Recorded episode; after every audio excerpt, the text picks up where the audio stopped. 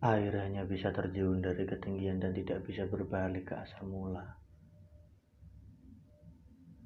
Air tidak bisa kembali mendaki tebing. Air tidak diberi hak untuk bergerak ke arah yang lebih tinggi. Air hanya bisa mengalir ke tempat yang lebih rendah, lurus, berkelok berpusing menerjang segala apa yang menghalanginya. Batu besar kecil, onggokan pasir,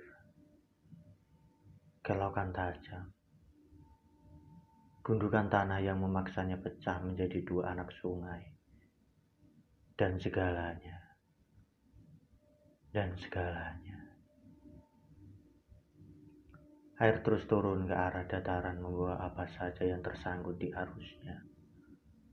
Tidak terkecuali daun-daun tua kecoklatan yang gugur setelah melakukan tarian maut maha indah sebelum akhirnya terapung di atasnya. Ya, dan kenangan. Dan juga kenangan. Dan terutama kenangan. Air membasuh kenangan tanpa lelah dan sebersih-bersihnya untuk kemudian diantarkannya ke Nun di bawah sana. Dan ia tetap ada. Entah di mana nanti tersangkutnya. Entah sampai kapan ia berusaha melawan arus air agar bisa kembali ke penciptanya. Kenangan hanya serupa bayangan yang bisa terapung di permukaan air, tetapi yang bisa berbuat apa saja terhadap siapa yang mula-mula menciptakannya. Kenangan hanya mengenali yang telah menciptakannya, dan karenanya terus-menerus berusaha kembali padanya. Melawan arus air yang bersikeras, menderas menghanyutkannya ke bawah sana melawan apa pun yang berusaha kembali ke pemiliknya, yakni sang pencipta kenangan. Air bisa menghanyutkan kenangan, tetapi kenangan tidak ikhlas dan tidak mau menerima bujukan dan godaan, dan paksaan agar terpisah dari orang yang mengalaminya.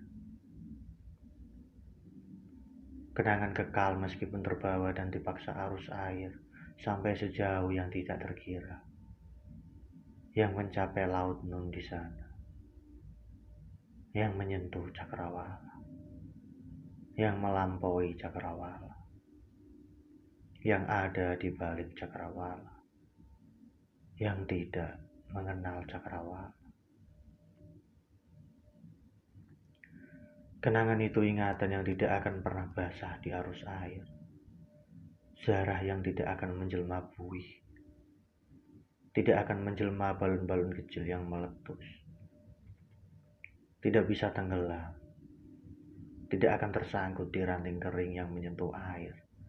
Tetapi tidak mau tanggal dari pohon. Dan paham caranya menghindar dari batu. Gundukan tanah dan pusaran air sungai yang menenggelamkan segala yang terapung di permukaan Kenangan itu ingatan yang punya keinginan.